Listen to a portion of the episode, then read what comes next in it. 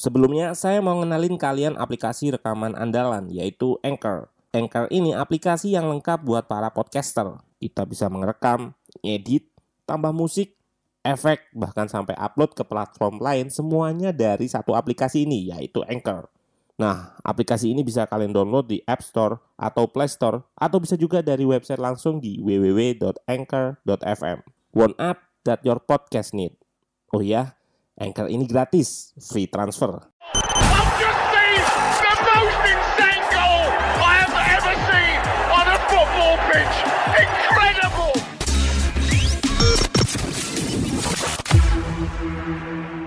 Selamat datang di channel Ruang Taktik. Di video kali ini kita akan analisis pertandingan antara Tottenham Hotspur versus Arsenal. Pertandingan yang diberi tajuk North London Derby ini dimenangkan oleh Spurs dengan skor 2-0. Sebelumnya, di era Wenger, Arsenal sangat dominan atas rival sekotanya ini. Namun, Spurs mulai menggoyahkan dominasi Arsenal di tahun 2010 hingga 2014. Tepatnya, 2010 adalah kemenangan awal Spurs setelah 15 tahun gak pernah menang atas Arsenal di Liga. Lalu, di pertandingan ini, 10 tahun setelahnya, Spurs mengalahkan Arsenal dengan kondisi yang lebih unggul. Seperti apa laga ini berjalan dari sisi taktikal? Let's go, kita bahas sama-sama. Kedua tim sama-sama menggunakan 4-2-3-1 dan akan kita bedah mekanisme taktik yang berbeda antara keduanya. 44% serangan Arsenal dominan di kiri. Untuk ini, Arsenal menggunakan Saka yang drop untuk akomodasi Tierney yang akan overlap dan menciptakan wide overload. Adanya Bukayo Saka di kiri dan bisa bermain ke tengah juga jadi faktor Arteta memaksimalkan serangannya dari kiri. Aurier harus menjaga dua pemain ini di awal babak. Hal ini dikarenakan Bergwijn dan Sissoko yang mengambil posisi lebih ke depan untuk menerapkan high pressing. Selain Saka yang drop, Partey juga bisa drop di antara dua back. Kita bisa lihat shape Arsenal di sini. Di kiri ada Tierney dan Saka yang akan menyerang Aurier. Lalu di kanan ada Bellerin yang nggak terlihat dan Willian yang akan menyerang Reguilon. Nampak jelas jika Arteta ingin progresinya melewati sisi lapangan. Sementara progresi di tengah melewati Shaka dan Lacazette yang di game ini berposisi sebagai second striker. Masalahnya ada di sini, Arsenal nggak punya outlet yang baik di tengah. Sering terjadi diskoneksi jika bola dialirkan baik lewat Shaka atau Partey di tengah ke lini di depannya. Bola lebih banyak bypass lini tengah Spurs langsung ke arah sayap. Arah serangannya bergantung pada Lacazette atau Auba bergerak ke arah sayap yang mana. Di klip ini bisa kita lihat ada kombinasi tiga pemain di sayap dan membentuk white triangle untuk melakukan kombinasi umpan pendek. Di awal babak, Aurier harus berjibaku dengan situasi ini. Kita akan balik ke klip ini untuk melihat respon bertahan Mourinho di awal babak tadi. Aurier mengalami kesulitan karena harus bertahan melawan dua pemain. Setelah gol, Mourinho menginstruksikan pressing bloknya lebih turun dan ada pertukaran posisi antara Hoiberg dan Sissoko.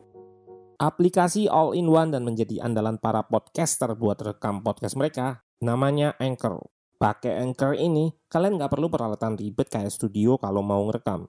Semuanya bisa dari smartphone kalian menggunakan Anchor. Anchor bisa kalian download di App Store atau Play Store. Mudah banget. Di Anchor, kalian nggak hanya bisa ngerekam audio, tapi juga bisa ngedit langsung di sini. Nggak sampai di situ, Anchor juga dapat mendistribusikan konten kamu ke platform lain. Contohnya Spotify, Apple Music, dan lain-lain. Keren banget, satu aplikasi buat semua kebutuhan. Jadi, nggak perlu aplikasi-aplikasi editing lain. Daripada kalian makin penasaran, mending langsung aja download Anchor sekarang. Oh ya, Anchor ini gratis loh. Hal ini dilakukan agar Hoiberg yang lebih statis menutup opsi umpan ke pemain Arsenal yang masuk ke dalam. Opposition scouting atau analisis lawan adalah makanan utama Mourinho. Jose paham betul bahaya-bahaya lawannya, jadi meski nggak menguasai bola, bahaya-bahaya tersebut yang dia eliminasi. Di klip ini Lo Celso yang melakukan press ke pembawa bola. Hoiberg dan Bergwijn sudah menutup opsi passing Arsenal. Kita bisa lihat Aurier masih rapat dengan Toby. Dengan bertahan seperti ini, bek kanan Spurs atau Aurier nggak perlu bergerak ke sayap yang membuat gap antara fullback dan center back terbuka. Arsenal buntu. Hal ini diperparah dengan kurangnya pemain yang berada di tengah seperti yang disebutkan di awal video. Hoiberg dan Sissoko akan melakukan tugas marking untuk pemain yang berada di sayap atau half space. Jarak antar keduanya bisa merenggang seperti ini.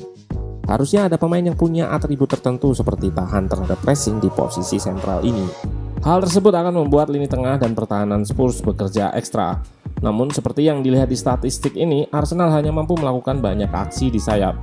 Itu pun dengan crossing yang prosentase keberhasilannya sangat kecil. Yang dipertanyakan adalah kenapa crossingnya mengandalkan duel udara sementara Arsenal nggak punya target man. Dan kita akan analisis gol yang dicetak oleh Spurs. Di gol pertama ini adalah andil dari Harry Kane yang perannya diubah oleh Mourinho. Perannya nggak seperti musim-musim sebelumnya yang digunakan sebagai goal getter atau pencetak gol saja, namun sebagai penyuplai bola. Lihat kemampuannya keeping bola di depan sendiri melawan pertahanan Arsenal. Lalu passingnya. Dan Son bisa lepas dari marking back Arsenal karena ada lari dari Reguilon. Inilah pentingnya pergerakan tanpa bola. Duo Spurs ini sudah mencetak banyak gol dan assist, terutama Kane yang sudah mencetak 8 assist. Dan ini sebetulnya adalah awal gol kedua yang menjawab kenapa di gol ini bisa terjadi situasi 4 versus 2. Dan ini adalah counter attack Arsenal yang gagal. Kita akan lihat situasinya lebih jelas dengan angle ini. Yap, Spurs masih meninggalkan tiga pemain yang tetap di depan. Well, pelajaran berharga dari Jose ke Arteta. Suatu tim bisa kalah meski menguasai bola 70%, sebagaimana suatu tim juga bisa kalah dengan penguasaan yang cuma 30%. Artinya, penguasaan bola itu bisa jadi semu, tanpa penciptaan peluang.